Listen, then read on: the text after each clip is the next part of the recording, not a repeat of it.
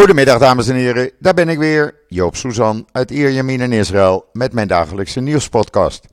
Ja, en zoals gebruikelijk eerst even het weer. Nou, het is 18 graden, blauwe lucht, zonnetje, ja, het is gewoon lekker. Eh, gisteren was helemaal fantastisch trouwens. Gisteren was het zo'n 21 graden en ben ik met een van de kinderen en de kleinkinderen. Eh, zijn we naar eh, Tel Baruch strand gegaan, of Tel Baruch Beach in Tel Aviv. Dat ligt in Noord-Tel Aviv. Lekker geluncht op het strand. En ja, het is een Belgische schoondochter. Eh, half Belgische kinderen natuurlijk. En die zijn lekker gaan zwemmen, want ze vonden 21 graden het zeewater en heerlijke temperatuur. We zijn er heerlijk een paar uur geweest en het was echt genieten. Uh, ja, later in de week krijgen we dan uh, regen en dat gaat dan een aantal dagen duren. Maar goed, dat hoort erbij. Het is een typisch Israëlische winter. En dan uh, COVID. Want ja, zoals in Nederland gaat het hier ook natuurlijk niet goed. hier hebben we dan gelukkig geen lockdown. Maar in het afgelopen weekend, vrijdag, zaterdag, werden er ruim 36.000 nieuwe besmettingen vastgesteld. Op vrijdag waren dat 18.806 en op zaterdag 17.521 nieuwe besmettingen. Waarbij het percentage positieve testen nu op 11,71% staat. Dat is nog niet zoveel als in Nederland. Ik zag gisteren in Nederland uh, ruim 35% test positief. Dat is meer dan 1 op de 3. Maar goed, hier loopt dat ook behoorlijk op. Er zijn nu in totaal 115.010 actieve viruspatiënten in Israël. Het overgrote deel heeft lichte of milde klachten. En van de 524 mensen die zijn opgenomen in het ziekenhuis, is ruim 80% niet gevaccineerd.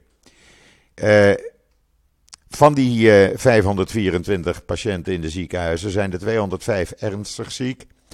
Dat is 43% meer dan afgelopen woensdag. En 67 zijn de kritiek, 48 van hen aangesloten aan beademing. De afgelopen twee dagen is er niemand gelukkig overleden aan COVID-19 en blijft het aantal doden staan op 8259. Ondertussen overweegt het ministerie van Volksgezondheid om medisch personeel dat met COVID-19 besmet is, geen, en maar geen symptomen hebben, gewoon door te laten werken.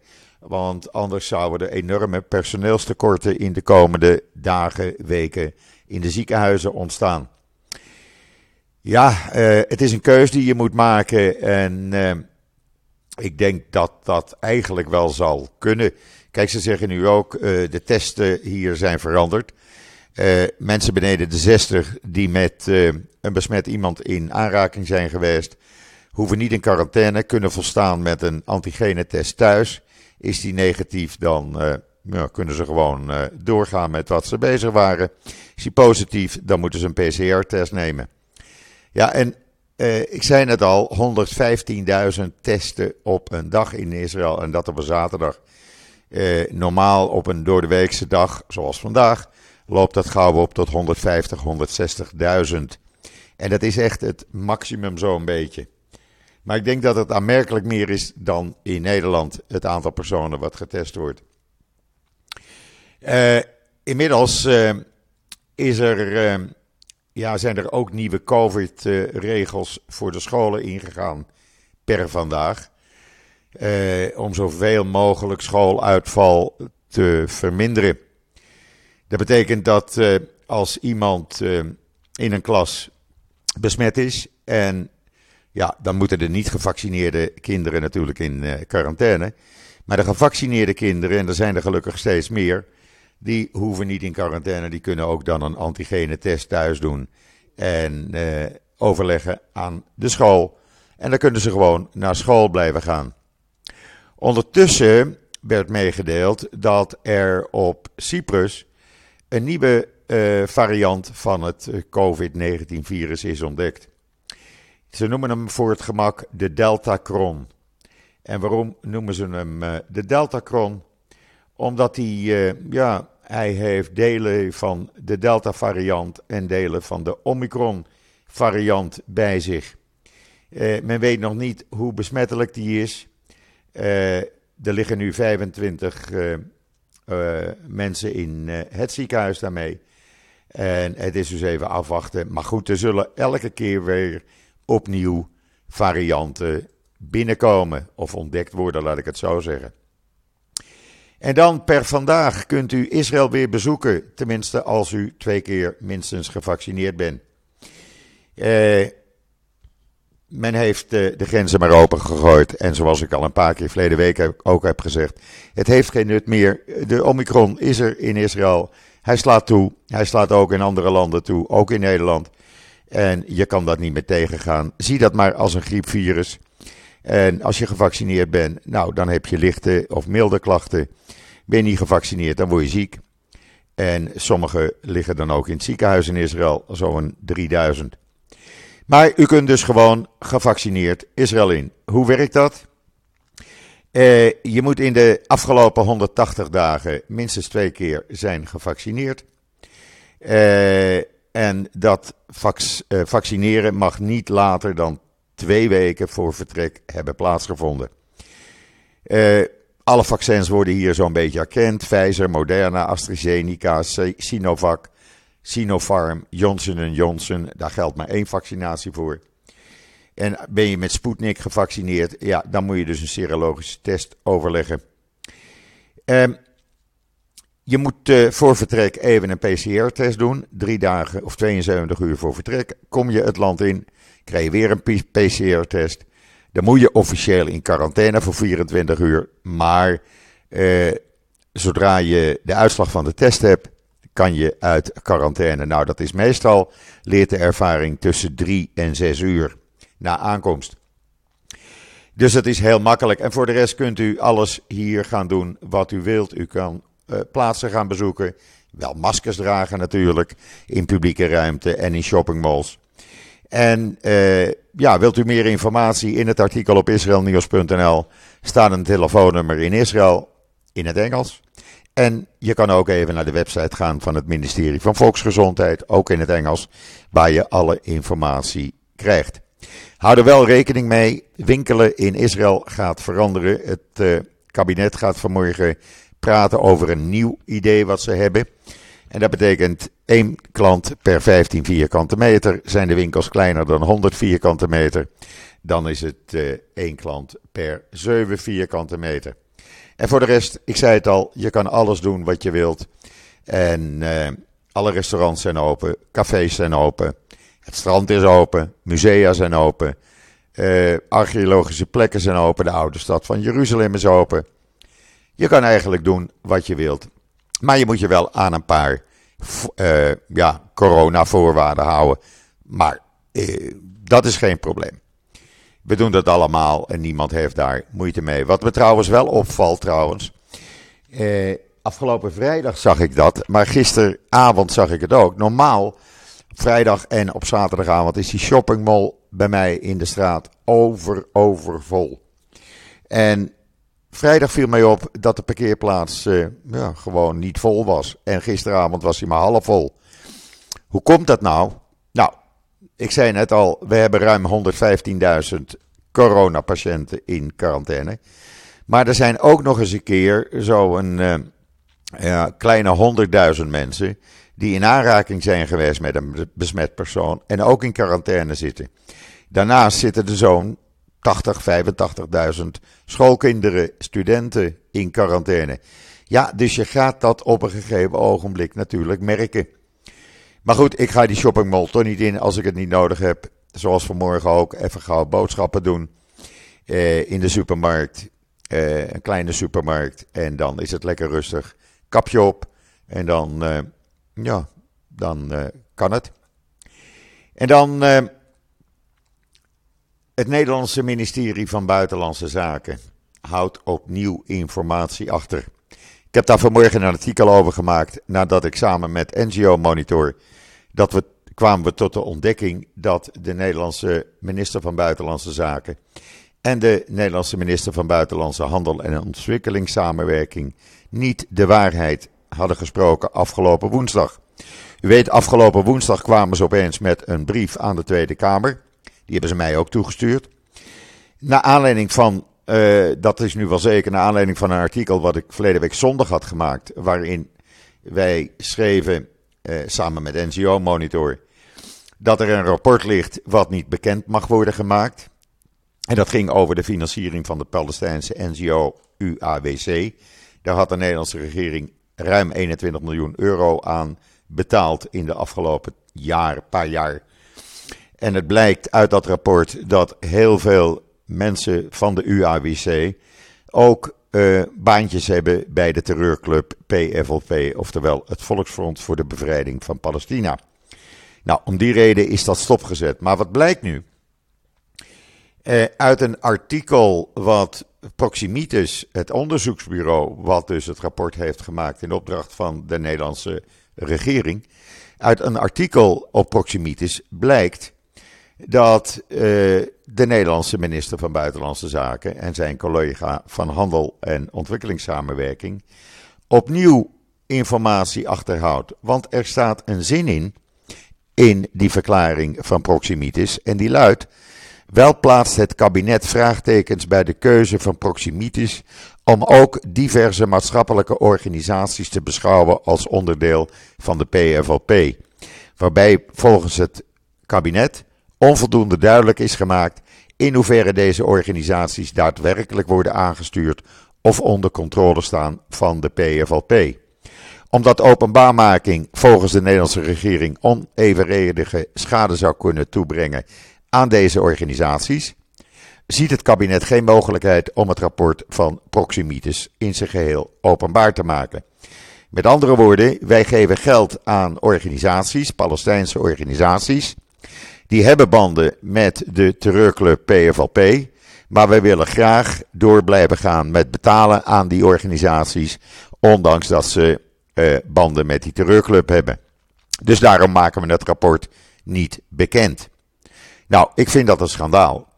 En ik hoop dat leden van de Tweede Kamer hier serieus iets aan gaan doen. Ik weet dat Raymond van Roon hier bovenop zit van de PF, PVV. Eh, hij heeft mij dat al laten weten. Maar ook andere Kamerleden verzoek ik echt dringend. Jongens en meisjes, doe daar iets aan. Het kan niet zo zijn dat Nederland uh, geld geeft, belastinggeld geeft aan terreurclubs. En dan kan het wel niet rechtstreeks zijn, maar het komt uiteindelijk toch wel bij die terreurclub terecht. En die kan er weer terreuraanslagen door plegen. Maar zo werkt het natuurlijk niet. Uh, je, kan je kan je natuurlijk afvragen welke Palestijnse organisaties dat zijn.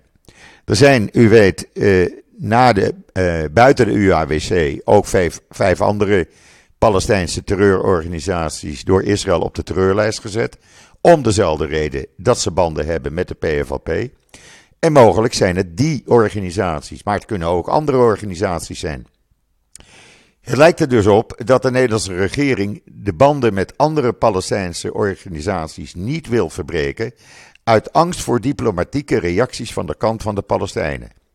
Aan de andere kant kan je denken, als Nederland doorgaat met financieren van Palestijnse organisaties die banden hebben met terreurclubs, ja, dan krijg je uh, problemen met de betrekkingen met Israël. Ik vraag me dan ook af, waar geeft Nederland de voorkeur aan? Goede betrekkingen met Israël of goede betrekkingen met de Palestijnen. Ik denk dat er dus ook een taak ligt voor de Tweede Kamer om de onderste steen boven te krijgen. En ja, ik zou u willen vragen, deel dit artikel op Israël Nieuws zoveel mogelijk. En laten we met z'n allen de Nederlandse minister en de Nederlandse regering onder druk gaan zetten. Want dit kan gewoon niet. Eh, ik vind dat een schandaal. Het is belastinggeld wat wordt gebruikt om mogelijk terreuraanslagen tegen Joden, terreuraanslagen in Israël te financieren. En dat moet maar eens een keer stoppen.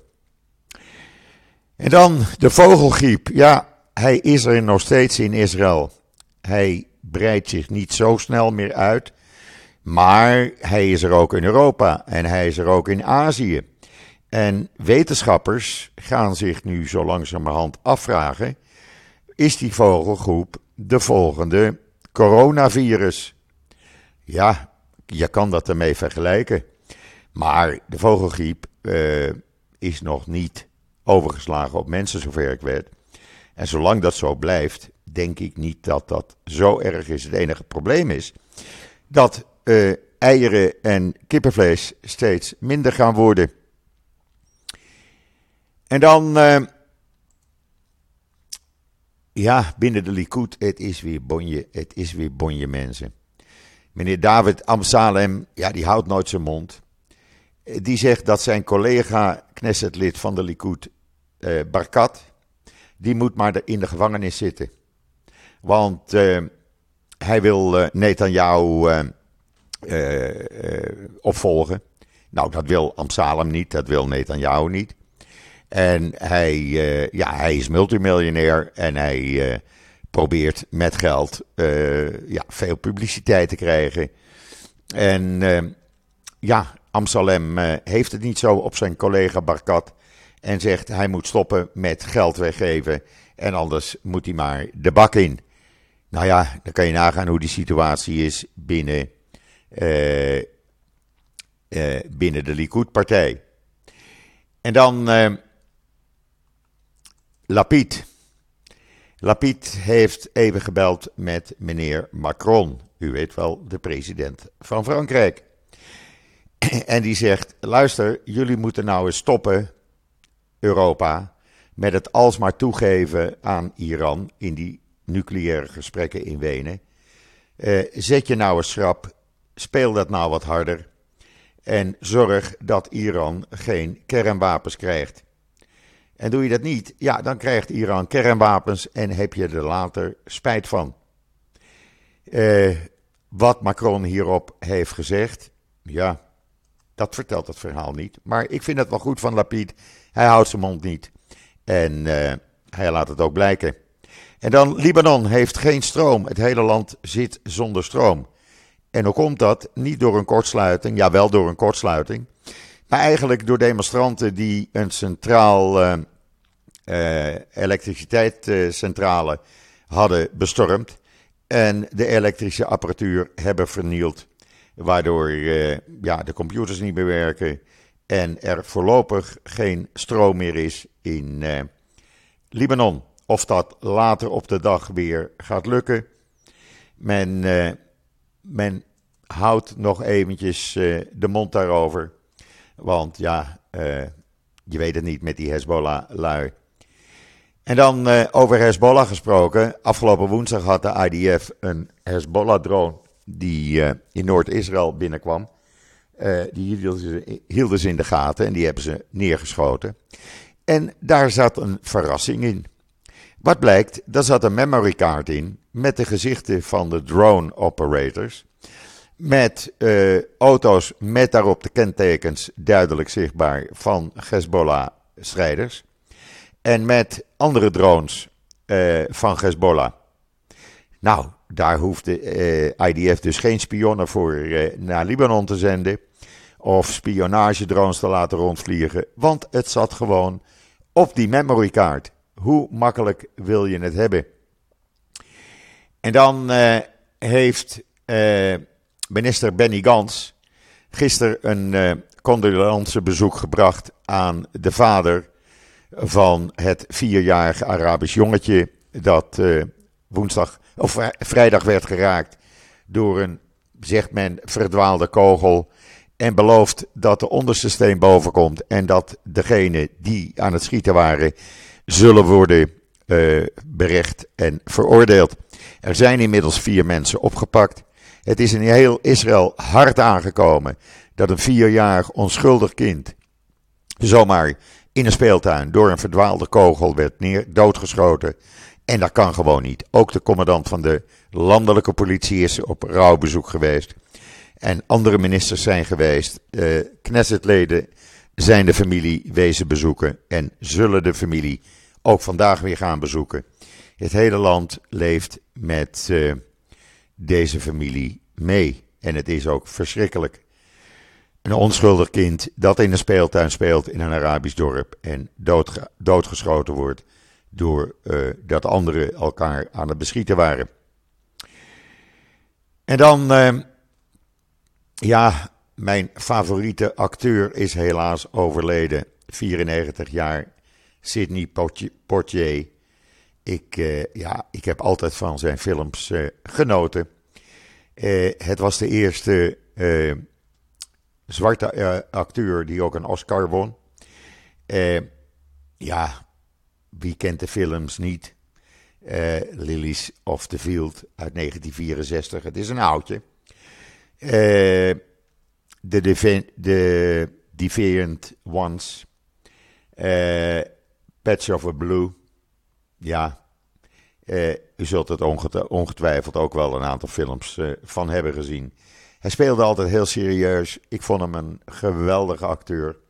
En ja, 94 jaar oud. Een mooie leeftijd bereikt, zullen we maar zeggen.